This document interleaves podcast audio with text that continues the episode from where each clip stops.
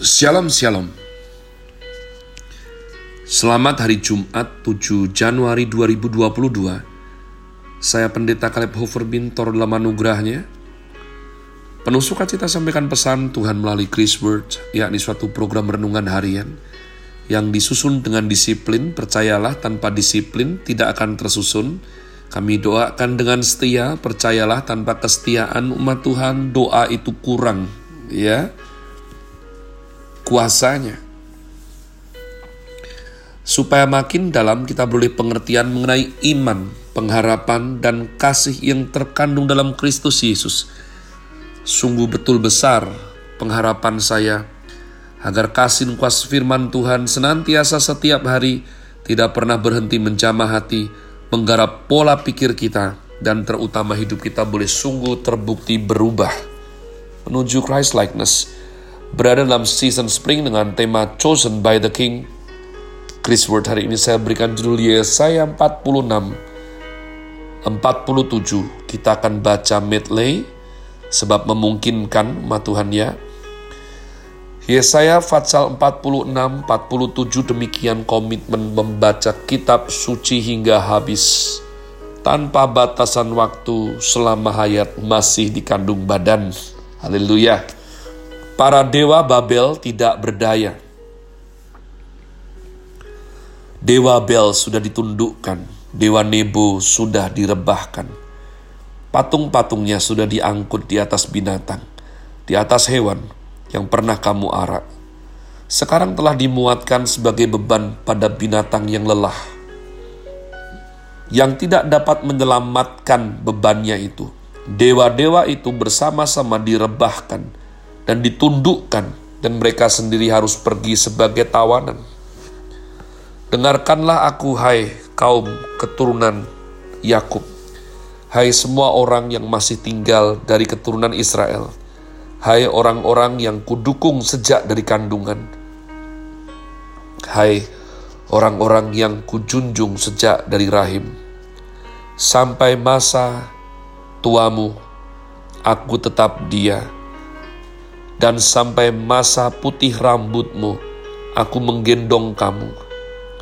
Aku telah melakukannya dan mau menanggung kamu terus. Aku mau memikul kamu dan menyelamatkan kamu. Kepada siapakah kamu hendak menyamakan aku? Hendak membandingkan dan mengumpamakan aku, sehingga kami sama. Orang mengeluarkan emas dari dalam kantongnya dan menimbang perak dengan dacing.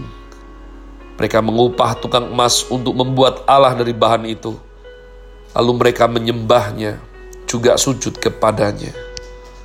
Mereka mengangkatnya ke atas bahu dan memikulnya, lalu menaruhnya di tempatnya. Di situ ia berdiri dan tidak dapat beralih dari tempatnya Sekalipun orang berseru kepadanya, ia tidak menjawab, dan ia tidak menyelamatkan mereka dari kesesakannya. Ingatlah hal itu dan jadilah malu. Pertimbangkanlah dalam hati, hai orang-orang pemberontak. Ingatlah hal-hal yang dahulu dari sejak purbakala, bahwasanya akulah Allah, dan tidak ada yang lain. Akulah Allah dan tidak ada yang seperti aku yang memberitahukan dari mulanya hal yang kemudian, dan dari zaman purbakala apa yang belum terlaksana, yang berkata keputusanku akan sampai, dan segala kehendakku akan kulaksanakan, yang memanggil burung buas dari timur, dan orang yang melaksanakan putusanku dari negeri yang jauh. Aku telah mengatakannya, maka aku hendak melangsungkannya Aku telah merencanakannya, maka aku hendak melaksanakannya. Dengarkanlah aku, hai orang-orang yang congkak, orang-orang yang jauh dari kebenaran. Keselamatan yang daripadaku tidak jauh lagi. Sebab aku telah mendekatkannya, dan kelepasan yang kuberikan tidak bertangguh lagi. Aku akan memberikan kelepasan di Sion, dan keagunganku kepada Israel. Umat Tuhan, ada satu topik penting yang kuat sekali dalam membaca kitab Yesaya, yaitu bagaimana Tuhan itu serupa dengan singa dari Yehuda, beraung, mengaum, yang isinya adalah mempermalukan para dewa, para berhala, para ilah yang lain. Siapa seperti aku katanya. Kamu tidak bisa bergerak, punya mata tidak bisa melihat, punya telinga tidak bisa mendengar, punya mulut tidak bisa bicara. Kayu dari pohon yang sama, sebagian dibakar untuk masak, sebagian diukir jadi dewa. Emas ditimbang sendiri, diukir sendiri, disembah sendiri. Jadi seolah-olah umat Tuhan, betapa manusia-manusia ini bodoh sekali Dan Tuhan membandingkan segala pekerjaan tangannya yang begitu ajaib. Dan manusia-manusia yang masih begitu bodoh, sulit untuk percaya. Ada satu yang indah sekali umat Tuhan. Tuhan berkata ini mengukuhkan doktrin umat pilihan. Ya. Hai orang-orang yang kudukung sejak dari kandungan Hai orang-orang yang kujunjung sejak dari rahim. Jadi memang kalau kita memahami umat pilihan, soset, ironik, berarti ada yang tidak dipilih umat Tuhan. Dan kita belum tahu siapa yang dipilih, siapa yang gak dipilih. Dari mana taunya? Kalau engkau dalam segala situasi tetap percaya setia kepada Tuhan, itu Rasul Paulus bilang itu anugerah. Itu bukan kuat gagahmu.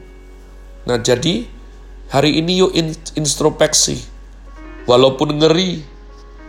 Kalau kamu tidak mempunyai kepekaan, komitmen, kesetiaan mengikut Kristus, ya sebutlah kira-kira kamu itu umat pilihan atau bukan.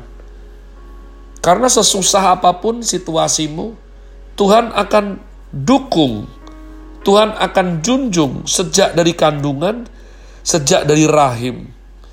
Jadi makin belajar saya makin mengerti kalau dalam keadaan yang begitu ingin menyerah dan toh at the end of the day ternyata saya tidak jadi menyerah itu bukan saya umat Tuhan. Namun kita juga tidak bisa berkata bahwa kalau gitu saya enak-enak saja. Berarti nanti kan tiba-tiba ada kekuatan. Oh tidak. Bukan begitu cara kerjanya. Sebab bersanding harmoni dengan doktrin kedaulatan Allah adalah tanggung jawab manusia. Kalau engkau tidak memakai daripada langkah iman, ya, maka engkau tidak akan pernah mengerti bagaimana dukungan Tuhan itu mengalir ke dalam hidupmu untuk engkau bertahan tangguh. Ya, makanya ada yang namanya ujian iman. Nah ini patut dicermati, jangan sampai salah kaprah umat Tuhan. Ya, ada orang yang oh begitu, kalau begitu semua karena kasih karunia, saya nggak usah ngapa-ngapain, itu jelas orang tidak paham sama sekali. Tapi juga ada jenis ekstrim satunya lagi. Kalau gitu ya aku akan bersandar pada kekuatanku sendiri. Aku akan berjuang sebisaku. Nah yang seperti ini ya tandanya apa kalau kebablasan seperti ini? Titik tengahnya apa? Saya kasih tahu hari ini umat Tuhan. Bagaimana titik tengah antara dukungan, junjungan daripada Tuhan kepada umat pilihan dan keseimbangannya dengan tanggung jawab manusia yang memang Tuhan berikan, yaitu adalah tekad kita. Kita punya kesungguhan hati untuk berjuang sampai akhir. Ya, kita memberi yang terbaik, tidak pernah menyerah dalam nama Tuhan, dan kita melakukannya dengan sukacita. Karena kalau kamu melakukannya dengan kekuatan sendiri, itu budak. kita akan bekerja dengan berat hati sekali, dan kita akan sulit bersuka cita.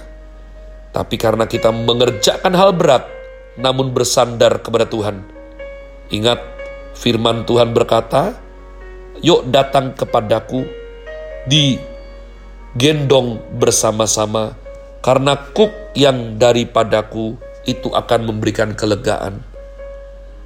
Jadi kita bersandar kepadanya. Nah orang yang lega, mukanya penuh senyum dan sukacita. Dengan cepat umat Tuhan Fatsal 47 keruntuhan Babel. Turunlah dan duduklah di atas debu hai anak dara, putri Babel. Duduklah di tanah dengan tidak bertahta hai putri Kasdim, sebab engkau tidak akan disebutkan lagi manis dan genit Ambillah batu kilangan dan giringlah tepung. Bukalah kerudungmu, angkatlah sarungmu, singkapkanlah paha, seberangilah sungai-sungai. Biarlah auratmu tersingkap dan aibmu kelihatan. Aku akan mengadakan pembalasan dan tidak menyayangkan seorang pun. Kata penebus kami, Tuhan semesta alam namanya, yang maha kudus Allah Israel. Duduklah dengan berdiam diri, dan masuklah ke dalam gelap hai putri Kasdim. Sebab engkau tidak akan disebutkan lagi ratu atas kerajaan-kerajaan. Aku tadinya murka terhadap umatku, menajiskan milik pusakaku, dan menyerahkannya ke dalam tanganmu. Dan engkau tidak menaruh belas kasihan kepada mereka, bahkan sangat memberatkan kukmu kepada orang yang tua. Katamu tadinya, untuk selama-lamanya aku tetap menjadi ratu, sedang engkau tidak menyadari dan tidak memikirkan kesudahan semuanya itu. Oleh sebab itu dengarlah ini, hai orang yang hidup bermanja-manja, yang duduk-duduk dengan tenang, yang berkata dalam hatimu, tiada yang lain di sampingku, aku tidak akan jadi janda dan tidak akan menjadi punah. Kedua hal itu akan menimpa engkau dalam sekejap mata. Pada satu hari juga kepunahan dan kejandaan dengan sepenuhnya akan menimpa engkau sekalipun banyak sihirmu dan sangat kuat mantramu. Engkau tadinya merasa aman dalam kejahatanmu, katamu, tiada yang melihat aku. Kebijaksanaanmu dan pengetahuanmu itulah yang menyesatkan engkau sehingga engkau berkata dalam hatimu, tiada yang lain di sampingku.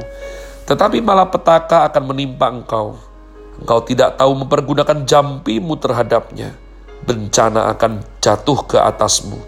Engkau tidak sanggup menampiknya dengan mempersembahkan korban. Kebinasaan akan menimpa engkau dengan sekonyong-konyong yang tidak terduga olehmu. Bertahan sajalah dengan segala manteramu, dan sihirmu yang banyak itu yang telah kau repotkan dari sedari kecil, sejak kecilmu. Mungkin engkau sanggup mendatangkan bantuan, mungkin engkau dapat menimbulkan ketakutan. Engkau telah payah karena banyaknya nasihat.